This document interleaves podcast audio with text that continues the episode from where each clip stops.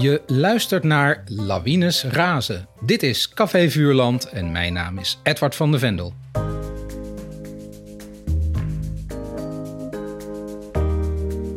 In deze podcast herlees ik klassieke kinderboeken met auteurs van nu. Hoe vers voelen die boeken eigenlijk nog? Wat voor auteur of tekenaar was er aan het werk? Dat en meer bespreek ik vandaag met schrijver Pepijn Lievens en tekenaarschrijver Loes Riphagen. En wij lazen een vrolijk boek waar Wim Hofman het gouden penseel voor kreeg. Het boek komt uit 1973 en het heet Koning Wikkepokluk de Merkwaardige zoekt een rijk.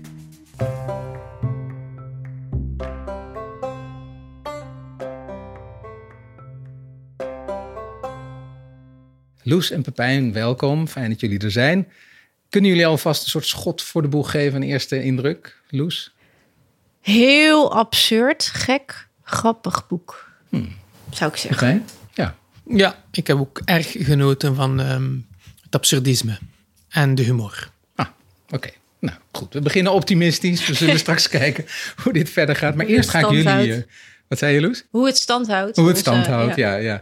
Maar eerst ga ik jullie uh, introduceren. Loes, uh, als het goed is, klopt het dat jij studeerde aan de Willem de Koning Academie ja, hier in Rotterdam. Ja. Wij nemen op in Rotterdam. Dat is toeval hoor, maar uh, je debuteerde in 2008 als schrijver en illustrator bij uitgeverij Godmer met Slaapkamernachtdieren. Ja, dat was bij de Fontein. Oh, bij de Fontein, sorry. Ja. Uh, dat was meteen een groot succes, zowel bij critici als bij kinderen. En die dubbele waardering die is eigenlijk gebleven, volgens mij. Er volgden nog heel wat illustraties in boeken van anderen, maar toch vooral je eigen werk.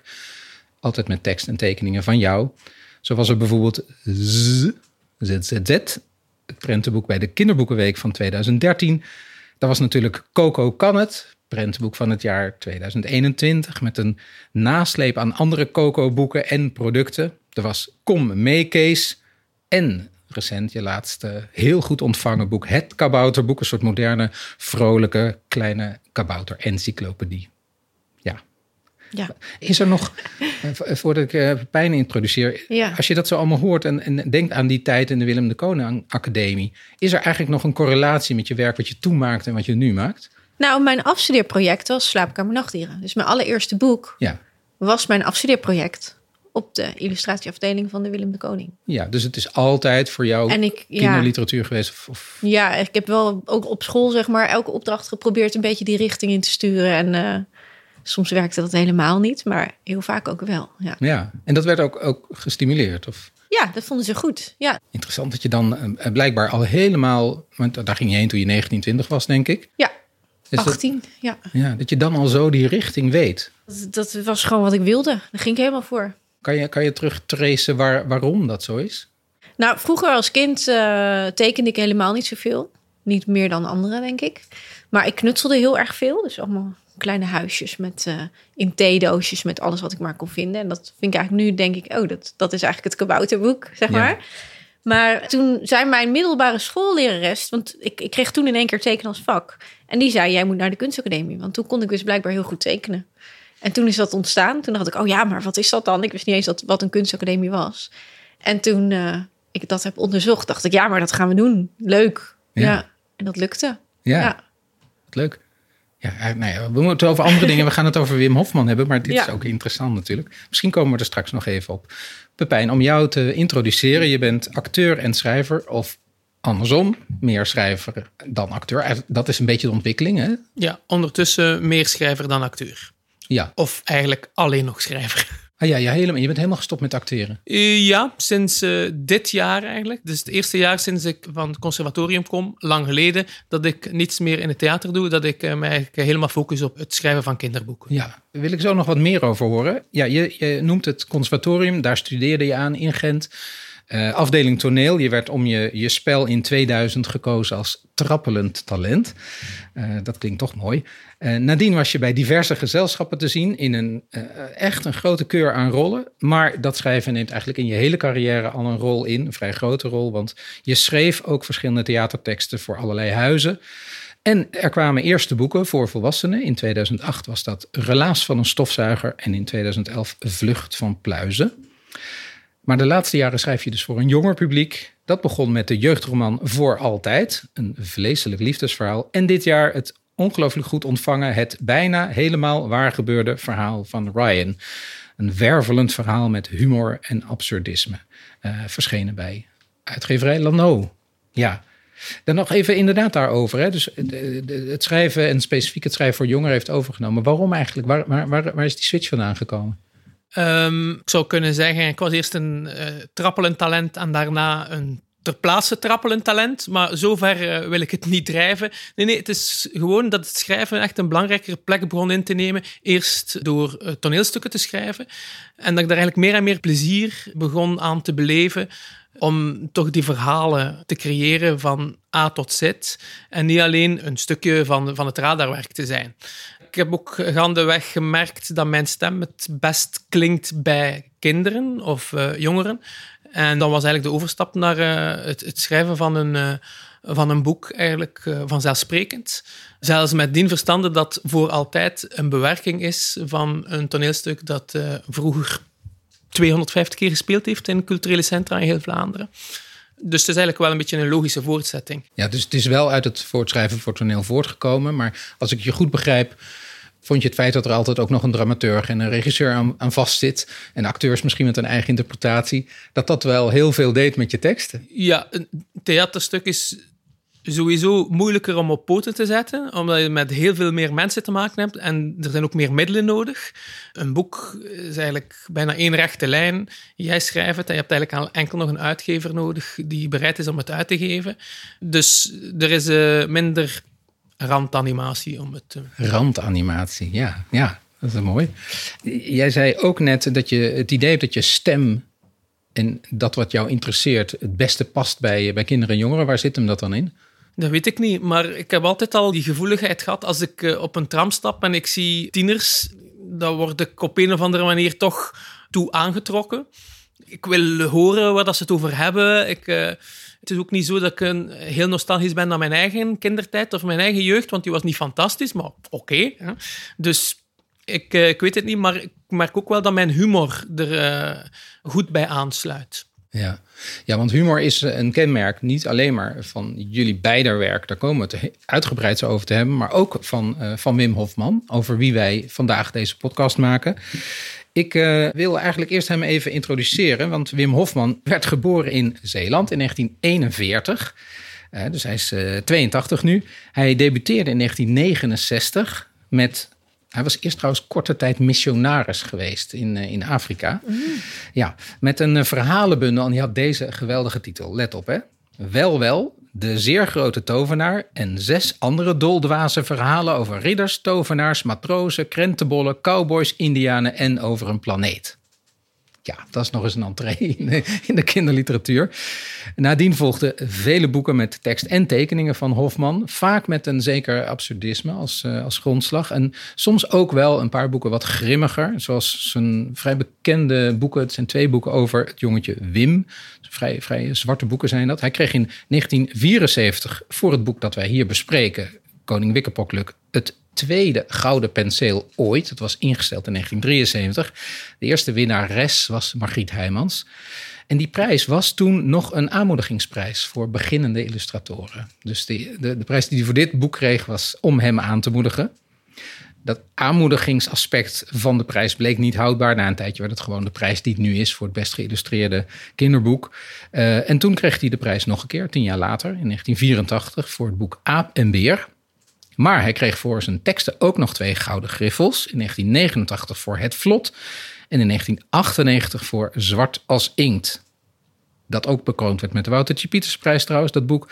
Nou, er waren nog drie zilveren griffels, drie vlaggenwimpels, twee voor de tekst, één voor de tekening. Je kunt eigenlijk altijd zeggen dat zijn bekroningen helemaal in balans zijn geweest. Dus hij heeft uh, eigenlijk ongeveer evenveel lof voor zijn tekst als voor zijn tekeningen gekregen. En dat kun je ook zien aan het feit dat hij twee staatsprijzen heeft gehad. Hij heeft en de Theo Thijssenprijs in 1991 voor zijn schrijven ontvangen. En ook de Max Veldhuisprijs in 2013 voor zijn tekeningen. En er kwam zelfs, ja, dat lijkt me echt een levensdoel, een encyclopedie over zijn werk uit. Met daarin ook beeldend werk van hem voor volwassenen. En dat boek heet De Kleine Hofman. Nou, tegenwoordig, levert hij vanuit zijn geliefde Vlissingen nog altijd hele mooie poëzie, vind ik. En korte verhalen, maar nu vooral voor volwassenen. Ja, wij lazen dus Koning Wikke Pokluk de Merkwaardige zoekt een rijk. Nou, moet ik eerst even iets bekennen. En uh, ik zei het net al tegen jullie voordat we deze podcast gingen doen. Meestal lezen we hier boeken die ik nog niet kende, die ik vroeger niet gelezen heb. En dan heb ik het dus ook voor het eerst gelezen. Uh, jullie hebben dit denk ik voor het eerst gelezen, hè? Ja. Ja, ja oké. Okay. Nou, ik heb het ongeveer voor de zeventiende keer gelezen. Mm. Want dit boek is ongeveer een van, nou, misschien niet mijn allerfavorietste kinderboek, maar het hoort zeker bij de top vijf. Ik heb het ook heel erg vaak voorgelezen. Dus de namen uh, zoals uh, Kevineen en Stoomvis, wie dat zijn, komen we zo op. Die, uh, ja, die spelen een grote rol in mijn leven. Die ken ik al heel erg lang. Ja. En ook Wikkepokluk is een, is een begrip. Het boek gaat over een koning, Wikkepokluk. Die woont met zijn drie dienaren, Poekhoun, Stoomvis en Kevineen, in een beest. Zo beginnen we. Dat is een beetje lastig als het beest begint te hoesten. en dus gaan ze op zoek naar een ander rijk.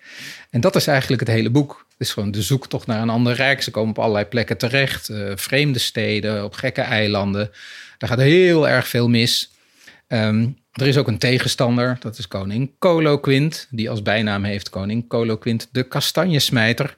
En uh, ja, de concurrent. En op het eind van het boek komen die twee ook rechtstreeks tegenover elkaar te staan. Ja, als zij allebei om de hand dingen van koningin Ida, Ida, Ida de Onheuse. um, ja, en wie er wint, nou ja, dat moet, moet, moet iedereen natuurlijk in het boek lezen. Uh, wat wel bijzonder is, is, uh, is het einde. Maar daar gaan we het straks ook nog over hebben. Ja, jullie zeiden eigenlijk al in, in jullie introductie best mooie woorden over dit boek. Ik weet niet of, het alleen maar mooie woorden waren, of dat er ook nog dingen waren die je minder beviel. Loes. Nou, ik dacht wel, toen ik het uit had, dacht ik, wat heb ik nou eigenlijk gelezen? Het is niet, niet zo'n heel groot verhaal, maar er zitten heel veel rare woorden en opsommingen in. En op een gegeven moment dacht ik wel van, oh, dan hebben we weer, de volgende blad zit ook weer een hele rij opsommingen. En oh, die daarna ook weer een hele rij opsommingen. Dus hij weet het heel grappig te omschrijven met, dan zitten zeg maar in zo'n rij opsommingen zitten woorden die, die helemaal verzonnen zijn. Dan denk je, ja, geen idee wat het is. En sommige die je wel begrijpt. En dan, ja, dat vind ik, ik vind het heel geestig gedaan. Het is heel... Maar ik dacht wel aan het einde, wat heb ik nou eigenlijk gelezen? Het is een, ja. En wat, wat is die vraag dan? Wat heb ik nou eigenlijk gelezen? Bedoel je dat er, dat er dan ja, toch niet zoveel ik over moet het echt even laten bezinken van wat was nou eigenlijk het verhaal? Ja. Want er zit, het- ik vind het verhaal niet zo heel groot. Maar bedoel je dan over een diepere eh, betekenis onder Ja, daar zitten? moest ik dus even over nadenken. Want ik dacht, wat zit hierachter of zo? Ja. Dat wilde ik on- onderzoeken of, of begrijpen of zo. Ja. En uiteindelijk denk ik, moet ik het wel zeggen? ja, wat je wil, ja. Het is eigenlijk gewoon een zoektocht. In mijn ogen is het van hem een zoektocht naar, naar beter. Terwijl hij het achteraf gezien volgens mij prima had in die hond. Of in dat beest. Het was een Ja. beest en niet per se een hond. Want die hele reis, elke keer al die plekken waar ze kwamen, werd dus tegengewerkt door van alles. Dingen en mensen. En uiteindelijk belanden ze dan in die kist.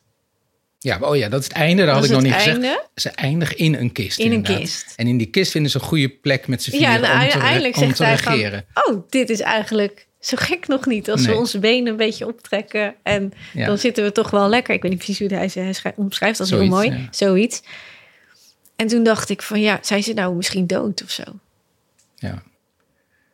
Ja, we gaan het zo De- daar ja, ook nog over hebben. Pepijn, hoe, hoe heb jij het beleefd, dit boek? Ehm, ja, er gebeurt inderdaad heel veel in. En niet zoveel terzelfde tijd. Er, er zijn enorm veel gebeurtenissen. En de ene al eh, gekker dan de andere. En het is echt grandioos grappig omschreven. Ik heb echt vaak luidop gelachen. En als je iets leest of een kunstwerk ervaart, wil je toch dat het iets met je doet? Ja, dat deed het dus. Want eh, ik zat vaak luidop alleen in de zetel te lachen. Maar ook ik vroeg me na, nadien af, en waarover ging dit nu? En mijn eh, theorie is een beetje anders. En die zijn, ik probeer het ook een beetje in de tijdsgeest te kaderen, de jaren zeventig. Misschien wel het begin van deze dolgedraaide wereld. En ik dacht, misschien is het wel het zoeken naar iets beter, terwijl je het eigenlijk al hebt. En altijd maar meer willen en beter willen. en eigenlijk niet zien wat dat er al is. Dus ja, ik las er toch iets uh, maatschappelijk in. En daardoor ook ik wel maatschappijkritiek. Ja. Het is natuurlijk inderdaad een reis van een beest naar een kist. Nou, in principe kunnen we zeggen dat dat ons leven is. Wij worden Ja. ook Ja. geboren in, nou niet in een beest, maar in een, een menselijk eh, levend wezen in ieder geval. Met weinig ruimte. En we eindigen ook op een plek waar ook niet zoveel ruimte is. Dus dat zou je als metafoor kunnen zien voor het leven. En inclusief de dood. Dat zei jij al, Loes. En Pepijn, je zegt nu, ja, maar alles wat ertussen zit, zou je eventueel ook kunnen zien als ja, metaforische voorbeelden van dat wat, eh, wat tegen ons is, dat wat ons in de weg staat. De zoektocht van Oh het ja. leven. ja, ja. Keuzes maken en de consequenties ervaren. Ja, dat is overigens helemaal nooit echt expliciet. Hè? Er staat nergens van eh, eh, waarschuwing van zo is het leven nu eenmaal of zo. Het, het is Nee. volkomen op het, op het niveau van de grappen eigenlijk de hele tijd, toch? Ja, Dit halen wij eruit. Eh, misschien ook een beetje omdat we het eruit willen halen. Ja. Misschien, want ik dacht op een gegeven moment dacht ik ook wel. Het lijkt wel alsof hij gewoon is gaan zitten. En dat hij gewoon in één ruk dat hele boek getypt heeft. Gewoon wat komt er in hem op? Ja. Brrr. Ik dacht echt dat dat idee, gevoel had ik er een beetje bij. een stream of consciousness. Ja, gewoon dit komt binnen. En want ik vond het zo geinig dat als er iets nodig was, dat het er dan ook ineens eens was. Bijvoorbeeld met die fiets had hij een vervoersmiddel nodig. En dan flop, oh, er steekt de fietsstuur uit de grond. Ja. En dat bleek dan een hele oude, slappe fiets te Ja, zijn. die ook leeft, hè? die ook dingen Die terugzegt. ja, doodging. en doodgaat, ja. En, En toegedekt wordt met en een dat jas. vond ik echt het grappigste stukje van Echt waar? die, die fiets. Ja, Ja, ja. ja. Die doodgaat. ja. Ja. Even over de stream of consciousness. Hij heeft daar overigens tien jaar over gedaan. Het is Oh. dus helemaal Ah, niet. serieus? Ja, het is dus niet zo geschreven zoals jij zegt. Oh, dat zou ik echt niet. Ja, het is oh, een van zijn grappig. oerwerken, zo ziet hij dat ook wel, een van zijn belangrijkste werken, waar hij heel lang aan gewerkt heeft. Tien jaar. Ja. Is dat dan goed of... Ja. eh, eh, is dat een goed teken dat het lijkt alsof het vloeit? Ja, dat Ja, weet hè, ik ook toch wel. Hè? Ja, op ik denk zich het wel, toch? Het leest wel vlot door. Ja, het wel- Ja. heel vlot. Ja. Ja. Ja. Ja. En Pepijn heeft hardop gelachen. Heb jij ook hardop Ja, ik heb gelachen? ook echt zeker meerdere keren hardop gelachen. Ja, echt. Dat was zo'n rare zin. Of eh, heel, iets heel onverwachts. Echt, ja. ja. Ja, dat had ik ook. En dat heb ik echt niet vaak met een boek. Nee. Nee, Dus weinig. dat, als dat een doel is, nou, Ja. dat- dat was heel grappig. Het is heel dan is grappig. het heel ja, enorm zeker. gelukt, toch? Ja. Ja. Ik heb het boek heel vaak voorgelezen aan, Ja. aan kinderen. En een van de zinnen waar, ja, waar ik in ieder geval altijd heel erg om moest lachen, maar ik hoop ook de kinderen, en dan kan ik me ook wel een beetje herinneren, is dat de koning zegt regelmatig: Ben je soms een beetje hier? Ja, hier. Ja. Ja. Ja. En Dat hier, daar wordt mee bedoeld op. van ben je, ben je een beetje getikt. Ja, dan Ja. dacht ik al, dan doet hij dit. Ja, dan. Dan, knikt, dan tikt hij met zijn vinger Ja, tegen zijn voorhoofd. Maar dat, dat lees je niet natuurlijk, dat hij dat doet. Maar dan Nee. weet je Maar dat weet vanaf je wel. de eerste keer dat hij het Ja. zegt. Ja. Ja, ja, ja, ja. Ik dacht voordat we nog verder eh, over het boek gaan, dat ik even een stukje voorlees. Dat is een beetje de. Of, eh, ja, sorry, heeft, heeft hij toevallig theater geschreven ook, eh, Wim Hofman? Omdat dat is eigenlijk iets typisch. Theater, ben je een beetje hier? ja. Dat is eigenlijk een theatertekst. Want je, je moet er een beeld bij zien. Ja, ja. Oh, nee, hij heeft geen theater geschreven, Ja, ja. maar hij is natuurlijk wel tekenaar. In die zin Ja, ja. heeft hij misschien dingen verbeeld. Ja, Ja, we zien trouwens geen enkel maar, hij, maar plaatje. hij tekent dat niet. Nee, ik wou zeggen, we zien het niet in een, in, Nee. Nee. de tekeningen. Nou ja, om een beetje een idee te krijgen van de stijl. eh, nou, de eerste twee bladzijden. Er was eens een koning en die leefde in een beest. Dat was natuurlijk erg vervelend, want als het beest hoestte of galoppeerde, dan viel de koning van zijn troon en zijn kroon rolde weg en zijn onderdanen vielen om. Dat waren er drie. Poekaun, de raadsheer, Stoomvis en Kevineen. De koning heette koning Wikkepokluk de Merkwaardige. Op zekere dag moest het beest weer eens goed hoesten. Toen riep de koning zijn onderdanen bij zich en sprak: Wij gaan hier weg. Ik kan hier niet rustig regeren. Kijk mij aan. Ben ik dan soms een beetje hier? Ik rol telkens om. Kom, we zoeken een ander rijk. En ze gingen weg, het beest uit, op zoek naar een ander rijk. Ze liepen een dag of wat te zoeken toen ze bij een boom kwamen. Is dat niet een mooi plaatsje om u te vestigen, sire? vroeg Poekaun, de raadsheer. Nee, zei Stoomvis, dat kan niet. Zie je niet, in die boom zit al een koning. Hij zit te regeren. Dan jagen wij hem eruit. Dan jagen we hem er toch zeker uit, riep Kevineen. Hij trok zijn zwaard, Trammeland genaamd, en zwaaide ermee. Het zoefde. Eén enkele hou van mijn zwaard Trammeland en dit onnozel boompje is om. Zo riep Kevineen en hij wilde de boom een ferme klap geven. Ha, mijn bovenste beste ouwe, trouwe Kevineen, lachte de koning, zoals jij is er geen één. Hou je trammeland maar aan de kant en laat deze boom maar rustig staan. Er komen nog wel meer bomen, denk ik. En het regeren op een omgehouwen boom is ook geen pretje. Laten wij dus verder zoeken. Ja, het begint echt wel met zo'n klassiek sprookje. Er was is. Uh, ja, dat klassieke, dat houdt hij niet, uh, niet heel erg vol, geloof ik. Als je nou kijkt naar die grap of de moment waarop jullie hardop moesten lachen. Op, waar, zat dat dan? Dus we zeiden net al dat ene zinnetje, maar misschien wat, wat zijn nog meer voorbeelden?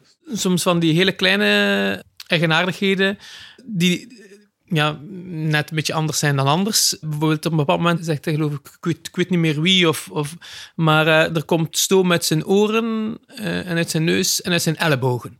Ja, en dat vind ik fantastisch. dat is, uh, ja. Oh, ja. ja.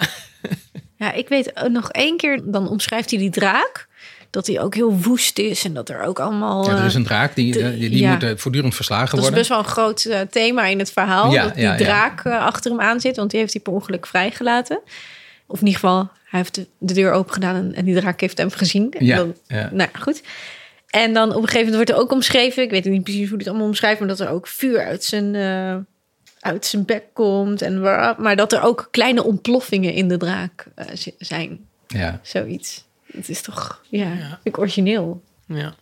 Ja, en wat ik heel grappig vind, dat er heel veel, ja, hoe noem je dat ook weer, als dingen opeens menselijke eigenschappen krijgen. Ja, die fiets vind ik nog steeds, dat is Ja, echt een, ja, een die hoogtepunt. Die, vind ik zo grappig. Ja. Ja. Ja, maar er is ook een hele bende jassen, die vliegen door de Oh, ja. lucht. Ja. En eh, die zijn soms bedreigend en soms hebben ze er juist wat aan. Dan kunnen ze die jassen aantrekken. Ja. En die schoenen. En Die dan eentje heet dan, ineens de aanvoerder van die jas heet dan Jan Jas. En die kan ook Oh, ja. spreken. De, de schoenen, ja, die, Die, die, die trappelen zonder mensen erin. En het huis. Het huis, ja. Het huis zelf, ja. Dat opeens En die wind. wandelt. ja. Die wind natuurlijk. En de wind, Die ja. ook eigenlijk, dat is natuurlijk niet een ding, maar die heeft ook eigenlijk gewoon een emotie of zo. En die Ja. kan denken en die Ja. jaagt hem van dat eiland af. Ja, nou, maar dat is sowieso wel vaker. Ik weet dat er nog een stukje in stond waarin er heel veel rook is. Ze hebben geloof ik vuur gemaakt. En dan iedereen moet hoesten van de rook. En dan gaat hij helemaal opzommen wie er allemaal moet hoesten van de rook. En het eindigt met de rook moest hoesten van de rook. Ja, ja, ja. ja. Ik heb, ma- mag, ik- mag ik ook een klein eh, Ja, stukje voorlezen? Omdat, eh, want het sluit er ook een beetje bij aan. En omdat er toch ook ergens soms een klein beetje maatschappijkritiek in zit, of ik zoek het er toch eh, eh, in, is ehm, de, de limonadefabriek. Eh, behalve de werven waar de boten werden gemaakt, stond er in de stad ook nog een limonadefabriek. Daar ging koning Wikkepokluk met zijn mannen werken. Dat moest wel, want in de stad had je heel wat geld nodig. Je moest namelijk overal voor betalen. Als je iets wilde zeggen, dan moest je betalen. Als je ergens wilde staan of zitten, dan moest je betalen. Als je wilde ademen, betalen. Voor elk zuchtje moest je weet ik wat betalen. Als je wilde denken, dan kostte dat heel veel geld. En als je wilde betalen, dan moest je betalen. Ja, ik, eh, ja, Een beetje kritiek zit daar wel in. er Hè? zit een beetje kritiek in, maar dat is ook iets dat ik in, mijn werk zoek. Al lachende zegt de zotte waarheid. Het is grappig en toch komt het binnen. Ja. Toch geef je iets mee. Mijn vraag eh, zou zijn, en het sluit hierop aan, is wat kunnen grappen onthullen of wat kunnen ze versterken? Wat is de functie eigenlijk van, ook in jouw werk, hè? er zitten heel veel grappen, ook echt absurdisme, zeker in je laatste boek ook. Ja. Wat doet dat? Ik heb heel veel jeugdtheater gespeeld. En het voordeel van eh, een rechtstreekse overdracht te hebben met, met je publiek. Je publiek zit voor je. Eh, je kan een directe reactie eh, zien en horen. En dat noodzaakt je ook om ze voor je te winnen. En dat gaat het makkelijkst met humor. Als je in het begin van je voorstelling, of van je boek, of van, maar in dit geval van een voorstelling, eh, het publiek kan eh, binnentrekken in jouw wereld met een paar grappen die zij ook leuk vinden, dan is de rest van de dag eigenlijk al geslaagd. Dat heeft die waarde. En natuurlijk ook, de, er zit ook veel ontroering in een lach. hè. Er zit ontroering in een lach, maar hangt dat niet af van soort, de soort grap die er is? Ja, Dus wanneer, wanneer, is die, eh, wanneer werkt dat het beste? Als het gevoed is door iets dat ertoe doet of dat wat triester is, ja, dan, dan kan die lach voor opluchting zorgen, maar kan die lach ook eh, eh, de tristesse een plaats geven. Ja, of kan het net de boel ontmijnen. Het, is, het heeft zoveel functies, hè. humor. In, in jouw nog niet zo lang geleden verschenen boek over het, het bijna waar gebeurde verhaal van Ryan, Daar één element is het absurdisme, maar even nu specifiek uh, focus op de grappen. Wat ik daar zo bijzonder in vond, is dat je die grappen eigenlijk de hele tijd consequent doorvoert en eigenlijk opvoert alsof dat volkomen logisch is. Dus bijvoorbeeld die jongen is verliefd, de hoofdpersoon is verliefd op een meisje, die wil dicht bij haar zijn en die denkt dan, nou dan uh, zou ik eigenlijk een balpen moeten zijn in haar etui en dat, dat wordt hij ook. Mm. Volkomen logisch. En hij kan ook weer terug veranderen daarna. Als jij nu zegt, de grappen daarin kunnen het voertuig zijn, ze zetten de deur open, wat dan ook. Is dat ook iets wat je bewust bij dat boek gehanteerd hebt? Ja, zeker. Maar ik probeer het wel altijd vanuit een geloofwaardige positie te doen. Dus die jongen maakt iets erg mee en daarom schiet hij zijn fantasie. En daarom kan alles. En eens dat je die premisse verkoopt aan de lezer, dan kan ook echt alles. Want Misschien is het in zijn hoofd, misschien ook niet, dan maak je dat maar zelf uit als lezer. Maar voor de schrijver kan opeens alles. Voor mij is dat eigenlijk ook een logische voorzetting van hoe ik ben. Voor mij is verbeelding misschien wel het belangrijkste in mijn leven. Behalve natuurlijk eh, praktischere dingen, of gezin en zo. Maar ik bedoel dan geestelijk. Ik heb altijd gevlucht, zou je kunnen zeggen, maar ook troost gevonden in, in verbeelding en fantasie. En ik heb eigenlijk nooit iets anders gedaan dan verhaaltjes verzonnen. En ik dacht ook dat iedereen dat altijd maar deed, maar dat bleek een vergissing. Maar ik, ik, ja, ik doe dat eigenlijk nog altijd en ik vind daar ook heel veel troost in. En het is niet dat mijn leven zo zwaar is of zo, maar ik vind het soms aangenaam om op het terras te zitten en oké, nu ga ik een beetje denken. Dan, dan ben ik vrij. En dan ben ik mijn zoon van 13, die nu een beetje tegen alles is, hè, die uh, vraagt mij wat heb je gedaan vandaag? Hè, want hij heeft dan opgesomd wat hij allemaal gedaan heeft in de, in de, in de les. Ik zeg, geschreven. Het was saai. Ik zei, nee, want ik was vandaag in Denemarken. Ik heb gevlogen en, en ik meen dat ook echt. Ja. Ik was er echt wel bij. En uh, dus dat is iets, omdat dat voor mij zo krachtig is, wil ik dat ook aan mijn personages geven. En tot mijn genoegdoening merk ik dat daar een publiek voor te vinden is, die, die daar ook zich in kan verliezen. Ik denk dat dat heel erg geslaagd is met je, met je laatste boek. Want dat vond ik zo bijzonder. Dat je, kijk, niets is er, tenminste vind ik dan zo vervelend dat wanneer je een boek leest en je denkt, oh, hier heeft iemand leuk zitten verzinnen. Een punt. En dat is dat alleen maar, weet je, verzinsel na verzinsel na verzinsel.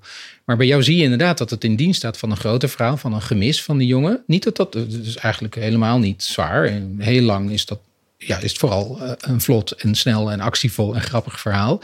Maar aan het eind ben je toch ontroerd door alles wat er, wat er gebeurt. Is het dan zo dat je, toen je begon met, met dat boek, hè, toen het in je opkwam en toen je de eerste stukken schreef, of erover nadacht misschien nog zelfs, heb je dan eigenlijk een verhaal over gemis willen vertellen? Of heb je eigenlijk een grappig verhaal willen vertellen? Nee, ik begin nooit met te denken, nu wil ik grappig zijn. Want ik denk dat dat ook niet zou werken. Maar op een of andere manier kom ik toch altijd bij personages terecht die een bepaalde grappigheid in zich dragen en dan vaak als een soort anti-held. Ja, of iemand die heldhaftig wil zijn en het net niet is, uh, dat is altijd wel wat grappiger en... Uh, ja, en dan inderdaad ook de fantasie. Maar nee, het begint echt met een verhaal over een jongen die zijn papa al een paar maanden niet gezien heeft. Dus veronderstelt hij, zal mijn papa wel een geheim agent zijn. En iedereen weet natuurlijk, elke lezer weet, dat zal het niet zijn. Maar ja, nee, ik wilde wel een verhaal vertellen over, uh, over, over, een jongen die zijn papa mist. Ja, ja. Dus dat is de start. Vervolgens is de humor kan eigenlijk de ontroering versterken als dat juist gebeurt. En in jouw geval is het uh, begrijp ik dat het twee functies heeft. Dus één, om, ja, om lezers naar binnen te trekken, om, om het niet te zwaar te maken en om ja, de deuren open te houden. Maar aan de andere kant ook om misschien juist die ontroering sterker over te laten komen aan het einde. Ja, inderdaad. Omdat dat contrast dan uh, groter is. Dan heb je zitten lachen en opeens val je stil.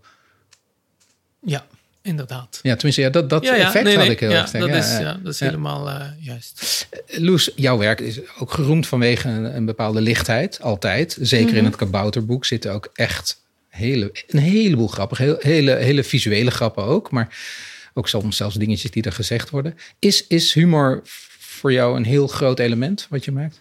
Nou, dat gaat wel vanzelf of zo. Het is niet dat ik daar dus ook heel sterk mee bezig ben van... oh, in deze plaats moeten nog drie grappen of zo. Dat doe ik helemaal niet, maar het is... Ja, ik, ik hou zelf wel altijd heel erg van grappen en humor en zo. Ook gewoon in dagelijks leven natuurlijk. Maar ja, het is niet dat ik dat dus heel bewust doe. Ik vertel gewoon mijn verhaal zoals ik het zou vertellen. En blijkbaar zitten daar dan al grappen in, zonder dat ik dat eigenlijk expres doe.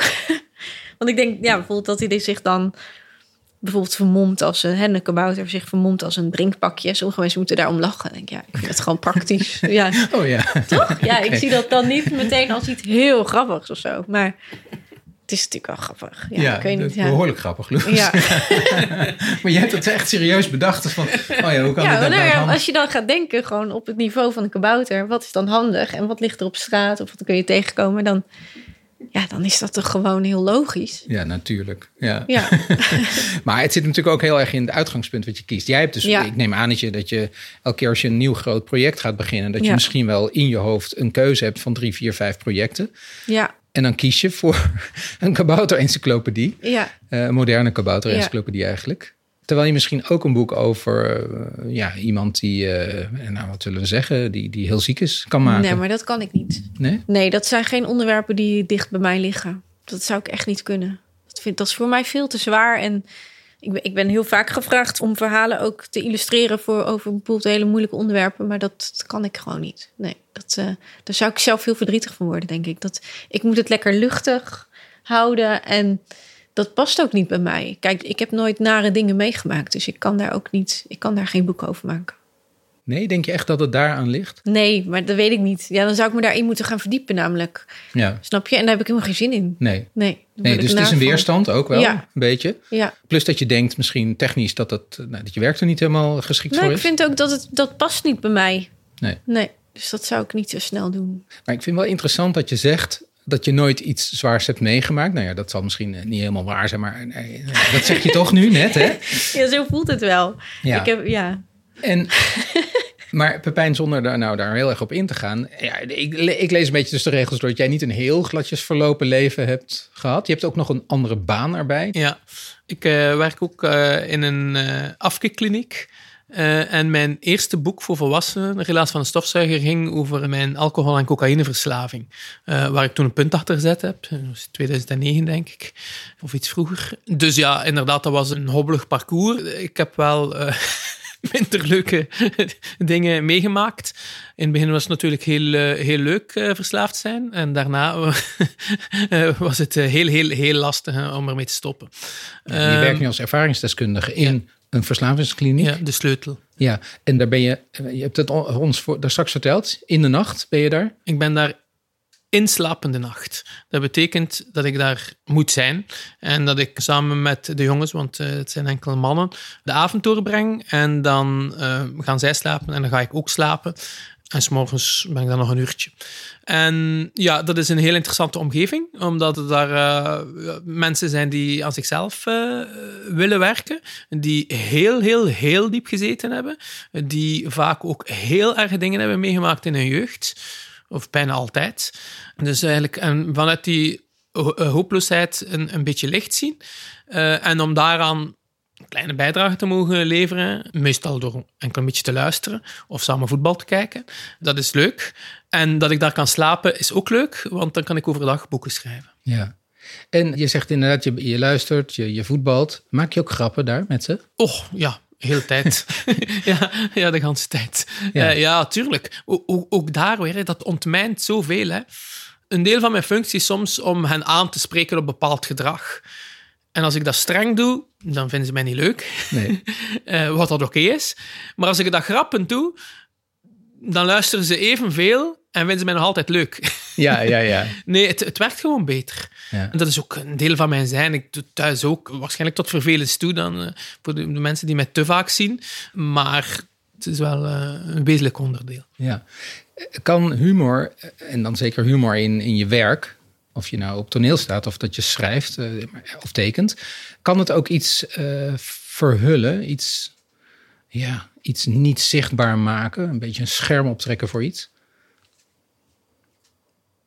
Loes, ja, ik kijk naar jou. eh, Kijk, Ja, ik bedoel daar helemaal niet kritiek mee. Zo van, oh ja, Nee. jij tekent grappige boeken, dan zou je wel allerlei dingen niet willen zeggen of zo. Oh Zo bedoel ik het nee. niet. Maar Ja, je kan je er natuurlijk achter verstoppen. Hè? ja, ja. Ja, dat, dat is zeker om uit te stellen om tot de kern te komen. Dus op een bepaald moment moet je natuurlijk wel de scherm laten vallen. Of, of je het masker moet afvallen om de dingen te zeggen en te doen die er te doen. Ja. hè. Je kan niet alles weglachen natuurlijk. nee. Dus dat kan wel. En daarom zeg jij ook, denk ik. Het is niet leuk om iets te lezen dat je denkt van ah, het is als grap bedoeld en als grap bedoeld, maar het zegt eigenlijk niet veel. Dat is waarom dat bijvoorbeeld comedy bijvoorbeeld voor mij minder interessant is. Omdat dat vaak de grap voor de grap is. Als er dan weer kritiek of, of, of, of tristesse onder geschoven wordt, wordt het wel weer interessant voor mij. Ja. Eh, Loes, is het... ehm, ik denk altijd dat het eh, gebruiken van lichtheid en van humor in, in, in je werk ook risicovol is. Ja, Omdat mensen het best snel kunnen afdoen als van... oh ja, ja nou een grapje, dan heb ik het één keer gelezen en klaar. ja dat, dat kan ik me voor. Ja, weet je, dat is ook wel. Iedereen heeft ook zijn eigen humor, denk ik. Niet iedereen vindt alles grappig. Nee. Ik heb ook heel erg mijn eigen soort humor of zo. Ik vind heel veel grappen die mensen maken, vind ik ontzettend flauw. Of denk ik.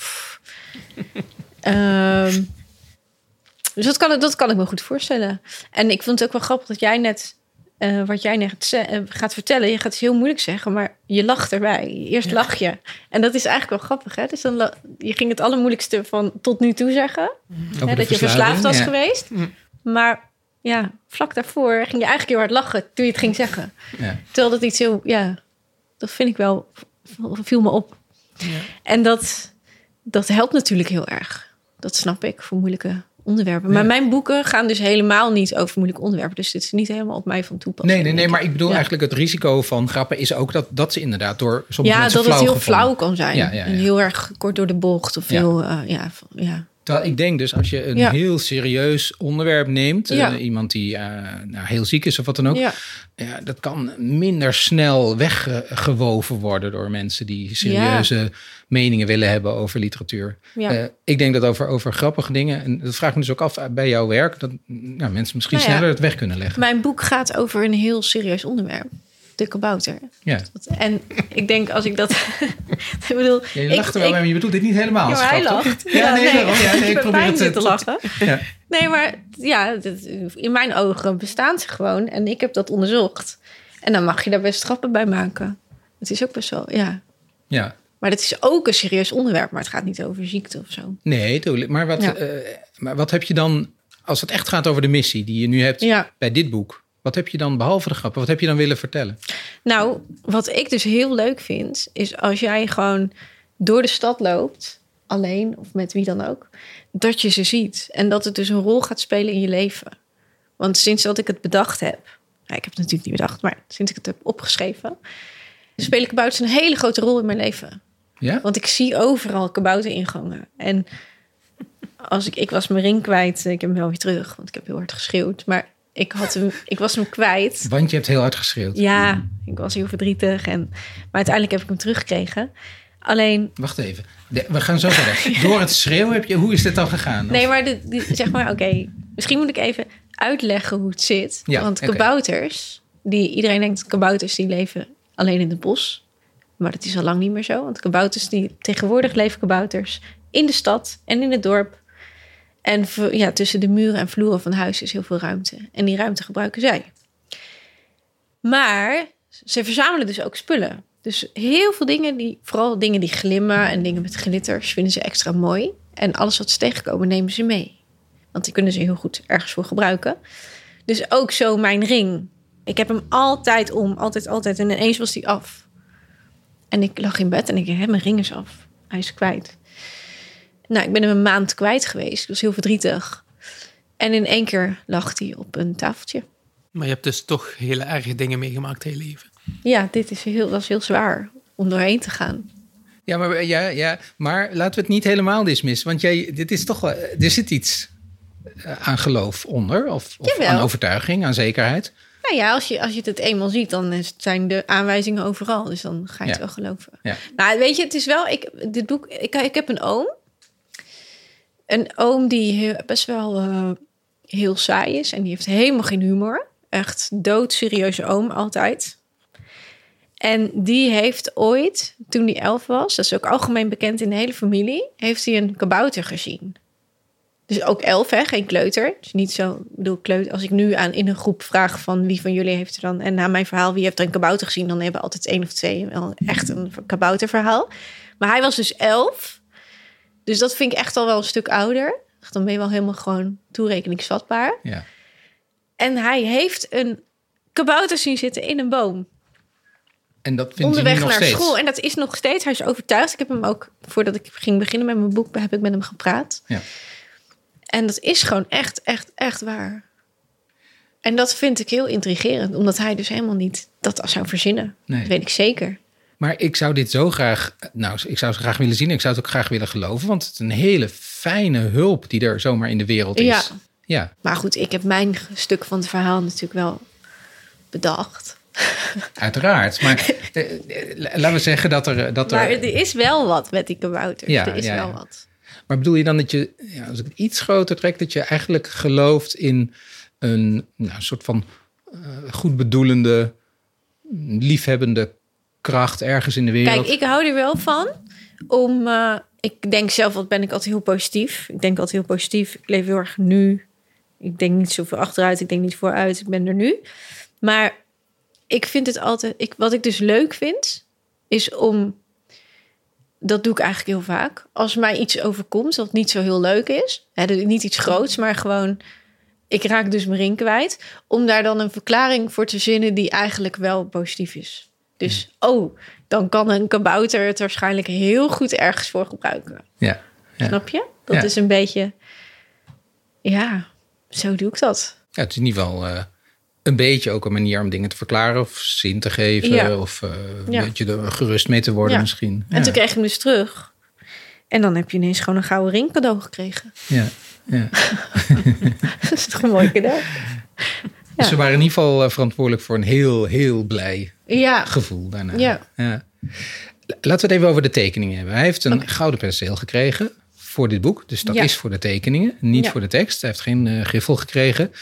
Eh Loes, wat, wat, wat vond jij van, van de tekeningen? ja, ik was er dus heel eerlijk gezegd niet heel erg van onder de indruk. Ik vind het mooie tekeningen. Het zijn mooie, fijne pentekeningetjes. Ja, zwart-wit pentekeningen met veel arcering. Maar het is niet helemaal mijn smaak.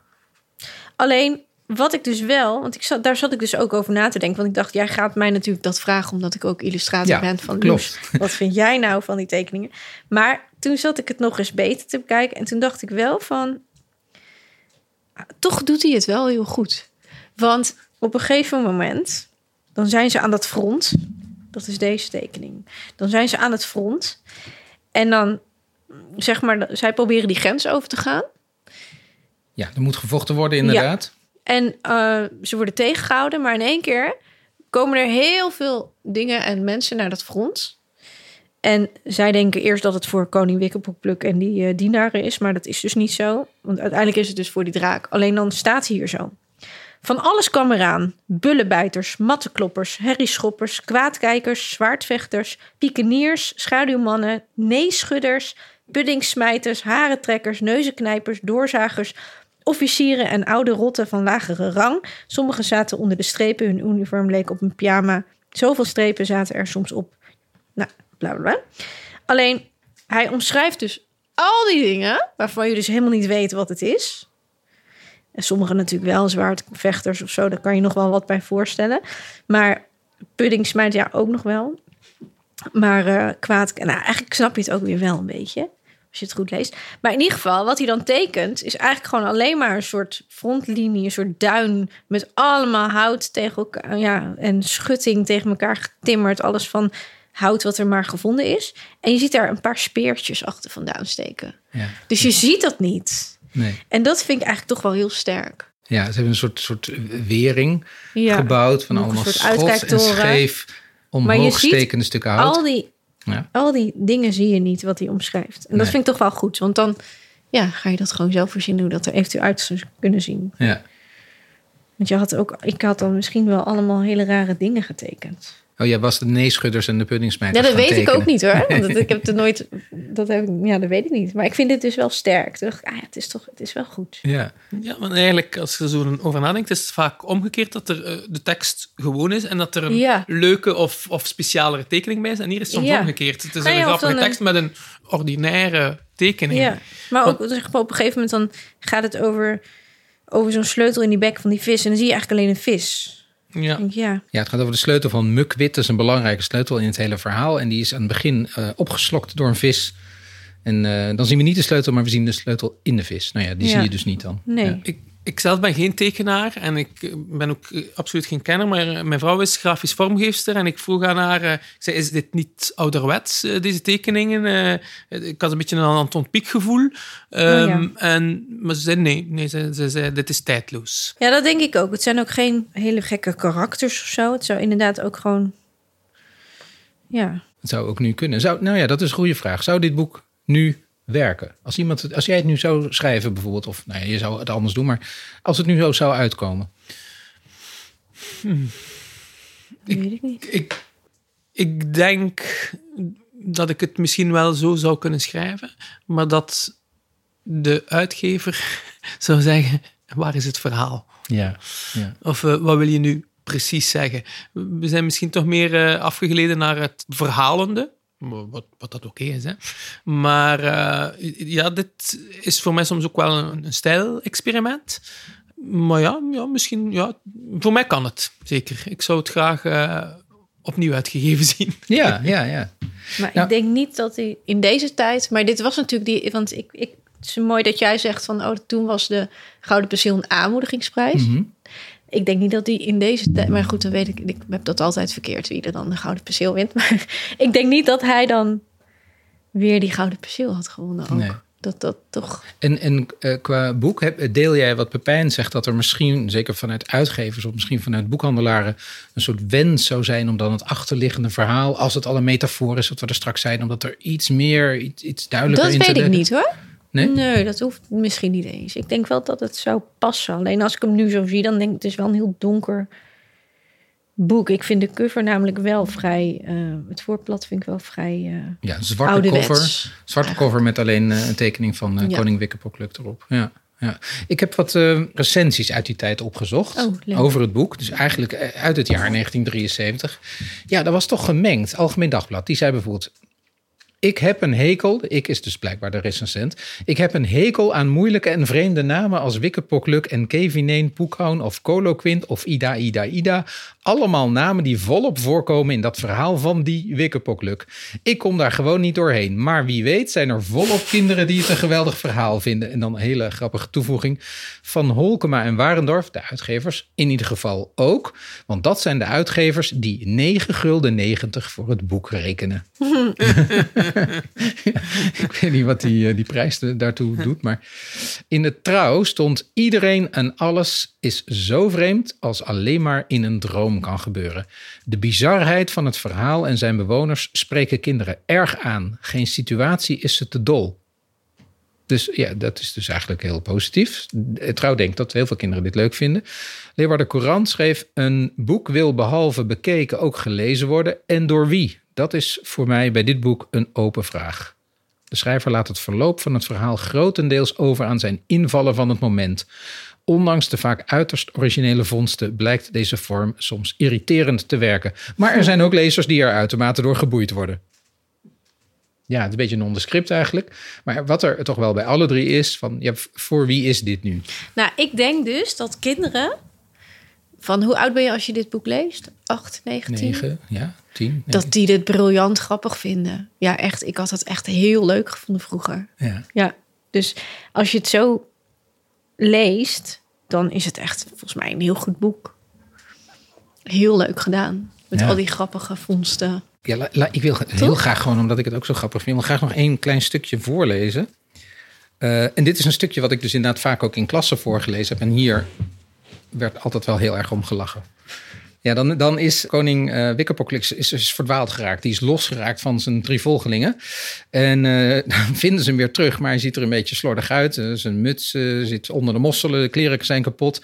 En dan weten ze niet zeker of hij eigenlijk wel Wikkepokluk is. Dat zegt hij dan wel. Maar dat gaan ze dan nu uitzoeken. Ja, wie, wie, wie zegt ons dat hij onze koning is? Zei ook Kevin die aan zijn riem sjorde. We zullen eens een paar vragen stellen, zei Poekhoun.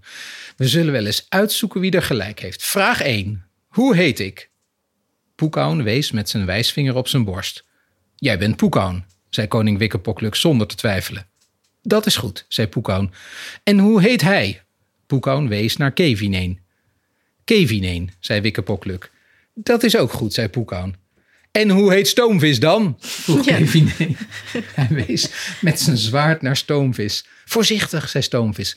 Stoomvis, zei koning Wikkepokluk. Hij zou zijn onderdaan Stoomvis niet kennen. Dat is ook goed, mompelde Kevineen. En hoe heet mijn zwaard? vroeg Kevineen aan koning Wikkepokluk. De naam van dat zwaard is Trammeland, zei koning Wikkepokluk. Het is een goed wapen. Hoe weet je dat? stoof Kevineen op.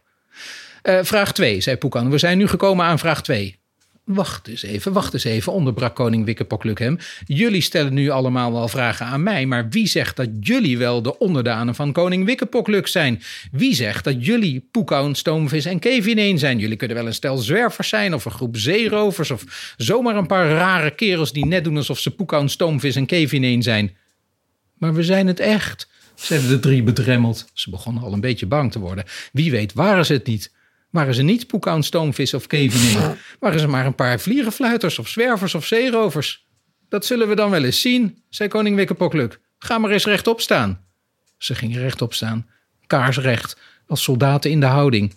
Koning Wikkepokluk trok hen één voor één aan baard en snor om te kijken of het geen valse baarden waren of aangeplakte snorren. Het deed wel pijn, maar de drie gaven geen kik. Ga op één been staan, beval koning Wikkepokluk. Dat deden ze meteen. Ik begin warempel al te geloven dat jullie het zijn. En vertel nu maar eens op, hoe heet ik? Koning Wikkepokluk de Merkwaardige, zeiden ze alle drie tegelijk. Mooi, zei koning Wikkepokluk. Dan is dat geregeld. Lekker manipulatief, hè? Dat uh, draait hij mooi om. Meteen. Helemaal omgedraaid, helemaal omgedraaid. Ja. Maar wat, wat mij ook erg opvalt, is het vakmanschap. Hè? Want die, die grappen werken alleen maar als die zinnen in de, in de juiste volgorde staan. Als het een beetje een kromme zin, dan, dan werkt het niet. En hij weet echt wel om de vier, vijf zinnen een, een, een glimlach te ontlokken. Hè? Ja, dus die timing die, ja, die, die timing is, is ja, ja. Ja, Dus en daaraan kun je misschien inderdaad wel zien dat er heel hard aan gewerkt is. Ja, nu snap ik ook wat je daar straks zei over toneeltekst. Want je ziet echt dat het ja, uitgesproken en voorgelezen werkt het ook heel goed. Ja, inderdaad. Ja. En die opsommingen, dat noemde jij, Loes, helemaal in het begin. Eh, ik heb geteld, er zitten er twaalf in. Oh. Van die lange opsommingen. Ja. Dus, uh, nou ja, je noemde, je hebt er net eentje voorgelezen. Dat is echt een stijl iets van Wim Hofman. Dat heeft hij veel vaker gedaan. Ah. En zelf heeft hij wel eens gesuggereerd dat dat ook voortkomt uit zijn vele lopen langs de branding en het jutten van spullen. Hè, dus het verzamelen eigenlijk. En dat, dat jutten van, van dingen, van spullen, van heel concrete zaken, dat hij dat ook in de taal af en toe doet. Ja. Vonden jullie dat te veel, die opzommingen? Of, uh... Nou, en op een gegeven moment zaten er een heel veel vlak na elkaar. Dat was even zo'n stukje dan drie bladzijden of drie spreads, dat er in één keer een heleboel achter elkaar kwamen. Toen dacht ik wel van, oh, nou is er weer een opzomming. Ja. Maar eigenlijk vind ik het heel grappig. Ja. ja. Ik, ik vroeg mij ook af, ik, ik weet niet, ja, ook de jaren zeventig natuurlijk, uh, dat absurdisme, is dat typisch Nederlands? Omdat wij Belgen, als ik dat zo mag zeggen, ja. gaan er prat op dat we, absurdisme zit al in ons staatsbestel. We zijn helemaal gek van René Magritte. Eh, Ik herinner me dat ik als kind eh, een overzichtstentoonstelling van Magritte zag en dacht, dit is kunst, dit is uh, grappig en iets zeggen. En, dus ja, we hebben daar een enorme voeling mee. En ik hoor dan dat hij van Vlissingen is, wat eigenlijk wel vlakbij is. En dat is een beetje mijn vraag. Is de rest van Nederland... Ja. Is het typisch Hoe staan jullie tegenover... Uh, ja. Goeie vraag, ja. Wat nee, denk je, Loes? Dat weet ik niet. Ik heb geen idee. Je bent ook een beetje uit het zuiden, toch? Ik ben niet uit het zuiden. Nee? Nee, niet? het midden. Van midden, oh ja. ja, ja uit het bos. Uit het, uh, okay, ja, nee. Van de Veluwe. Nou, ik denk wel dat er wel wat in zit, inderdaad. Ja. Misschien Absurdisme heeft geen grote traditie in de, in de, de laten we zeggen, de centrum- en Noord-Nederlandse literatuur. Hm. Dat wordt ook vaak wel een beetje argwanend bekeken. Uh, nog steeds eigenlijk wel. Ja. Ik wel dat het. Kijk, want het lijkt ook. Kijk, Joke van bijvoorbeeld, die heeft ook een beetje van dit soort. Ik, ik vind het wel een beetje vergelijkbare stijl of zo. Ook met allemaal uh, verzonnen woorden en ook dit soort tekeningen soms wel. Tenminste, vroeger las ik ook uh, Bobbel die in de bakfiets woonde en zo. En ik ja. heb net haar boekje Hier gelezen. En dat deed mij ook wel aan dit denken of zo. Qua, ja, dat is ook heel absurd en maar ja, ook Joke is een. Nou, ze woont nu al heel lang in Vlaanderen. Oh. Is, zuidelijk Nederland zou je kunnen is hij zeggen. Dan, is Wim Hofman dan ook? Hij is Komt geen ook zuiden? Nee, maar echt uh, volkomen Zeeland. Helemaal. Oh ja, Zeeland. Ja. Ja. Ja. Nou ja. Ja. ja, misschien dus toch wel. Ja. Ja. Ja, ja, ik weet niet of er zoveel absurdisme in Friesland is. Dat moeten we dan nog eens nagaan eigenlijk. Maar Ja. Ik heb nog wel... Ah, in Friesland, ja, dat weet ik niet. Ik heb nog wel in eh eh, Zeeuws-Vlaanderen gewerkt. En, eh, en ik ben zelf een West-Vlaming. Ja, er zijn heel veel eh, overeenkomsten. Ja, Zelfs in taal, ja. in dialect. ja de, de laatste misschien nog over dit boek. De, de taal is toch... Ik smul daar echt van. Het is zo precies en zo fijnbekkend. Ook in die opsomming, Loes, die jij net deed. Weet je, dan Ja. rijmen sommige woorden een beetje. Weet je, ook niet heel erg overdreven. Ja, het is, eh, ik heb altijd het idee dat je dat makkelijk op kunt snoepen uit de bladzijde. En het Ja, maar dat is dan heel goed uitgedacht. Dus toch. Ja. Terwijl je Want- denkt van, oh, dit is in een fractie geschreven. Zeg Ja. maar in een... In een, in een eh, maar dat hij dan toch, denk ik, ja, wat je ook zegt, heel erg heeft uitgedacht. Ja, Het is een combinatie van experiment en vakmanschap. ja. Zo Ja. klinkt het wel. Dat, ja, dat is goed gezegd. Wim Hofman, en, en een hele mooie combinatie van, van vakmanschap en experiment. Ik moet nog één bekentenis doen. Dat is dat ik één zin uit dit boek gestolen heb in mijn eigen werk. Ik Ah. heb het een paar keer gebruikt. Ergens staat helemaal in het begin... Ben je een beetje hier? Nee, niet die, niet die, want die was, zou wel heel obvious geweest zijn. Nee, maar de zin dat ergens, eh, dan waait het heel erg hard of het stormt. En dan verschuift er een stoel en dan is de zin, eh, de stoel schoof toeterend over de vloer. Dat vind ik echt zo prachtig. Ja.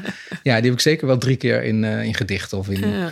Ja, als ik, om- laten we zeggen dat het een hommage is. Het was natuurlijk gewoon diefstal, maar... ja.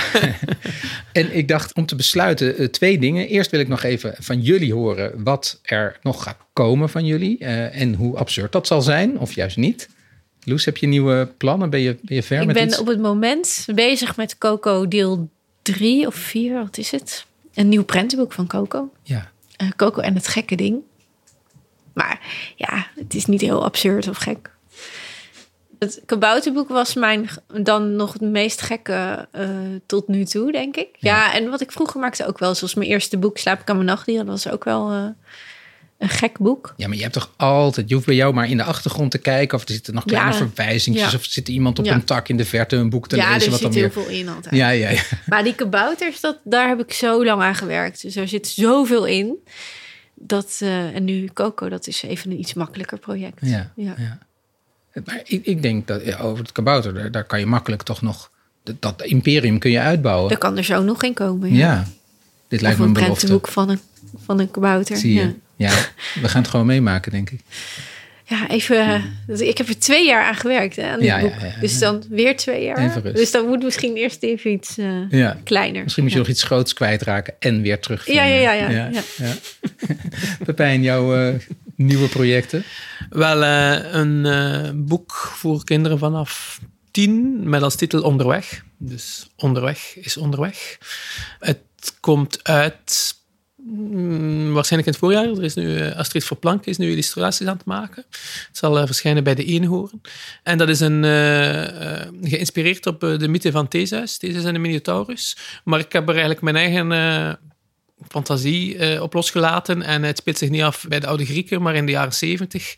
Theseus zijn nicht Ariadne, die wonen al he- heel hun leven samen. En hij komt te weten dat dat komt omdat zijn ouders vermoord zijn. En eh, eigenlijk is de, eh, het boek de zoektocht naar de moordenaar van zijn ouders. En eh, ook daar komen er heel veel losgeslagen figuren langs. Een verdrietverwerker komt hij tegen. Dat is een, een oude meneer die de hele tijd weent omdat hij het verdriet van heel de wereld probeert te verwerken. Een sprekende haas gaat met hem mee op pad. Ik heb eigenlijk een beetje... ja, de Griekse mythes en sagen zijn natuurlijk eh, doordrongen van, eh, van, eh, van fantasie en dat heb ik een beetje proberen imp- implementeren. Ja, mooi. Met ook weer zo'n ja, toch wel dieper gemis op de achtergrond. Ja, Ja, absoluut. mooi. En natuurlijk in een grande finale met de Minotaurus. Daar ben je nu aan, je bent aan de grande finale aan het schrijven. of, Ja, eh? nee, die, die, die is geschreven, ja. Mijn, Ah. mijn werk is bijna, zit er bijna Ah, je bent, wat goed. Nou, we kijken ernaar uit. Het is best snel al in, het- in het voorjaar. Eh, ja, ja, onder voorbehoud, maar Ja, ja, da- ja. daar wordt op gemikt. Ja, goed. Fijn, dank jullie wel. Ik dacht, eh, we besluiten nog even met eh, nog, nog een heel klein stukje Hofman, als dat goed is. Ze kwamen in een land waar alles net anders was. Als de zon onder moest gaan, dan kwam hij net op. Als hij eigenlijk op moest komen, ging hij net onder. En als je dorst had, dan had je geen dorst. En als je vijf kilometer moest lopen, dan hoefde hij helemaal geen vijf kilometer te lopen. Koning Wikkepokluk en zijn onderdanen bleven er dan ook niet. Want ze kwamen er helemaal niet. Want als je er was, dan was je er niet. Dank jullie wel. Dit was Lawines Razen, een podcast van Café Vuurland. De gasten in deze aflevering waren Loes Riphagen en Pepijn Lievens.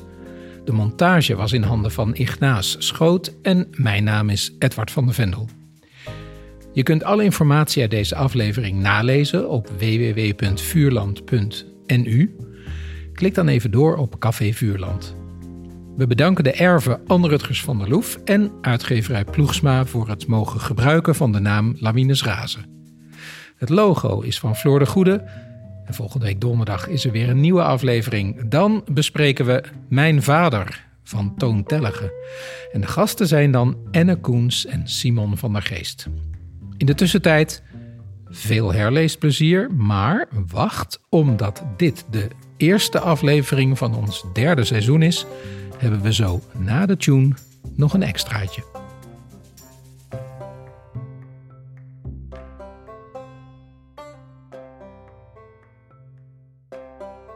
Ja, de aflevering is afgelopen. Maar er valt nog meer te zeggen over Wikkerpokluk. Want nadat we het gesprek hadden opgenomen met Loes Riphagen, met Pepijn Lievens, kwam ik te, te spreken over dit boek met Annette Schaap. Uh, die alles te gast was bij uh, Louines Razen. Die we kennen natuurlijk van Lampje en van een heleboel andere boeken. En ook als tekenaar. En die ik persoonlijk goed ken als, uh, als tekenaar van Mishka. Van mijn boek. Waar je vorig jaar een zilveren penseel voor won. Ja. Oh nee, niet vorig jaar. Dit jaar. Dit jaar. Dit jaar. Ja. Ja, we zijn in jouw atelier. Worden Plik en Plok. Dat zijn niet twee nieuwe kinderboekfiguren. Het is de lekkage Ja. die nog even uh, speelt. Ja. Maar we hebben toch nog een klein annexje aan deze aflevering. Dat is omdat eh, koning Wikkepokluk iets bijzonders in, jou, uh, in, je, in je werk of in je leven betekend heeft. Hoe zullen we het zeggen? Allebei, denk ik wel. Het is uh, voor, voor, mijn gevoel het, uh, het, het, boek waarmee het allemaal begon. Dat ik ook boeken wilde maken later. Ik heb veel boeken natuurlijk gelezen en prachtig gevonden. en en heel erg als, als lezer, zeg maar. heel erg met me laten meeslepen. Maar dit boek, dat deed echt iets raars met me. Toen het uitkwam, volgens mij in 1973, of toen won het de gouden uh, nee, penseel. 74 won het 74, dan gouden, nou, dan was penseel. Het, ja. Heb ik het in 74 hebben mijn zusje en ik um, mochten altijd in de kinderboekenweek allebei een boek uitkiezen. En in 1974 koos ik het boek wat de gouden griffel had gevonden. En dat was, weet je dat?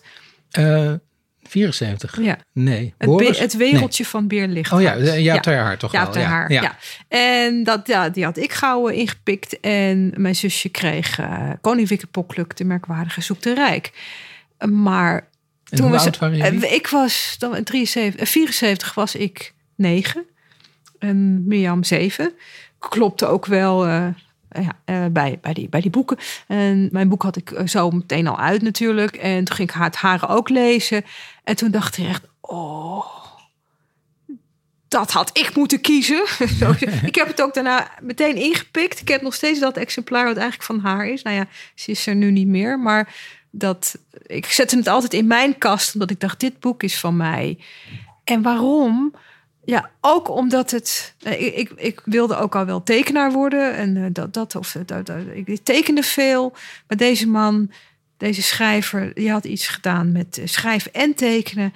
Zo vreemd. Dat leek echt op niks wat ik kende. En ik vond het zo leuk. En zo mooi. Die, die, die zwart-witte tekeningetjes. Um, met heel veel arceringen. Heel toch? veel arceringen. Ik vond het verhaal heel erg raar en mooi. Maar eigenlijk elke... Ik, ik ken nog wel stukjes uit mijn hoofd. uh, die altijd gewoon gebleven zijn. Omdat ze me... Ja... Dus het was natuurlijk niet... Ik hield meer van boeken die, waar je iets bij kon voelen. En zoals dat Beer Lichthart veel gevoeliger, emotioneler is. Dat was dit niet zo erg. Jongetje dat blind wordt, hè? Wat, ja, jongetje ja. dat blind wordt en dat moet accepteren. Ja. Heel mooi.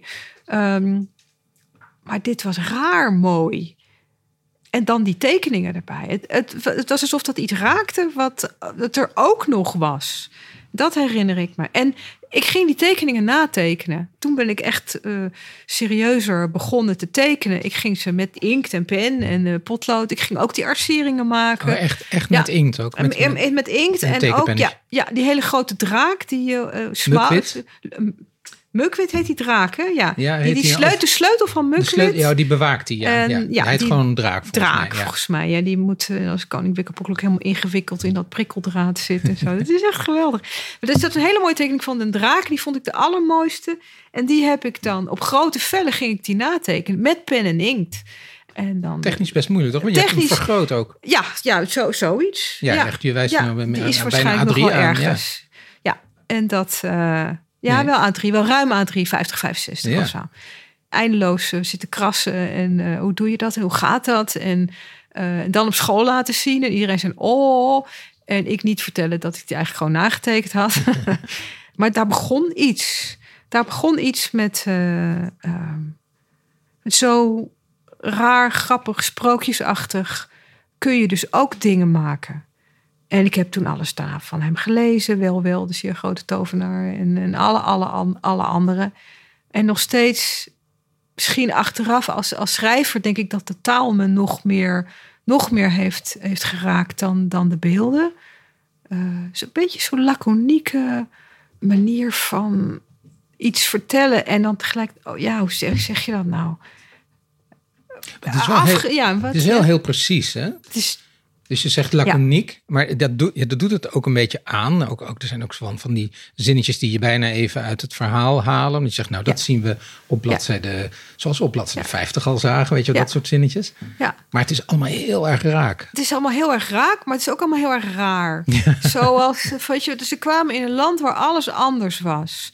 Als je 65 kilometer hoefde te lopen, dan hoefde dat helemaal niet. Zo dat soort, dat soort dingen. Als je wat wit was, wat zwart en wat dat was en dat. En, Ja, eh, en ze je- kwamen er nooit, want ze Maar- waren er nooit ze- geweest. precies, ze- En ze, ze- gingen niet, want ze waren Ze gingen ja. ook, ja, want ze waren er helemaal niet. Want als je er was, dan was je er niet. Ja, Zo ja, eindigt dat. precies, ja. Dat, dat zette me op mijn kop. Ja, ik kende het zoiets niet en ik vond het echt geweldig. En later ook in de boeken van Wim en zo, die, dat, dat is een boek over eh, ja, jongetje, het jongetje Wim, wat, wat eigenlijk droeviger is en eenzamer. Maar daar ook niet helemaal op ingaat met van, oh, oh, oh, wat is hij troef- droevig of eenzaam. Maar het is een beetje verteld en door de sfeer en dat eindeloze gesjok over het strand. Ja, dat raakte iets in me. Ja. En je zei net ook dat het ook de combinatie van, van tekeningen en tekst is. Ja. Heb je, eh, de- nou ja, dat is natuurlijk een beetje achter, Ja. achteraf redeneren. Maar denk je inderdaad dat je toen ergens hebt gevoeld van, oeh, dat allebei? Dat allebei, ja, dat denk ik wel. Ja, maar dat ik, ik denk dat ik wel heel vaak heb gedacht, misschien ook wel eens heb gezegd dat ik later Wim Hofman wilde worden. maar dat kan natuurlijk niet. Je kan niet iemand anders worden. Maar, maar ook het, het is een beetje een rare. Ik heb ook wel, ja, eens wat over hem gelezen of, of, of van hem. Het is een beetje een rare, ongrijpbare, monnikachtige man. Dat spreekt me ook heel erg aan. Alleen ik ben het niet. Nee. Ik ben niet zo. Nee. Maar het is wel een soort, ehm, ja, misschien een soort ideaal. Maar als ik probeer te kijken wat, eh, een- wat een leek nu zou kunnen zien eh, Ja. in jouw werk als invloed, Mhm. dan, ja, dan zou ik misschien zeggen de precisie. Dat toch wel. Ja. Niet zozeer het absurdisme, denk ik. Misschien een beetje in de meisjes dat dat nog weer Ja, wel. Maar nee, dat is, het is niet echt absurd, maar dat klopt.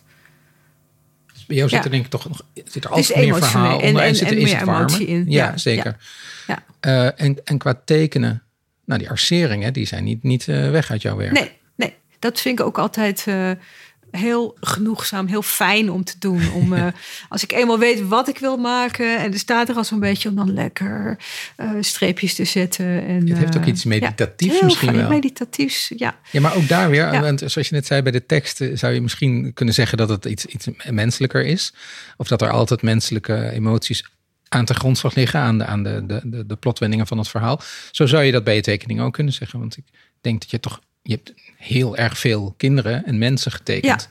Ja, klopt. En niet zoveel draken. En niet zoveel draken. Nee, nee. Mis je, mis, mis je de draken? Mis Zou de draak? Nou, eh, ik heb een wel een drakenperiode gehad. Oh. Maar toen was ik eigenlijk gewoon, was voordat ik echt dit beroep eh, ging doen. Ik heb Oh, wel ja. veel draken getekend. Maar toen vond ik draken eigenlijk best wel saai daarna. Dus Hmm. dat is het. Dat is het. Het zijn hele mooie dingen, maar zo'n Game of Thrones-achtige fascinatie heb ik dan toch niet ermee.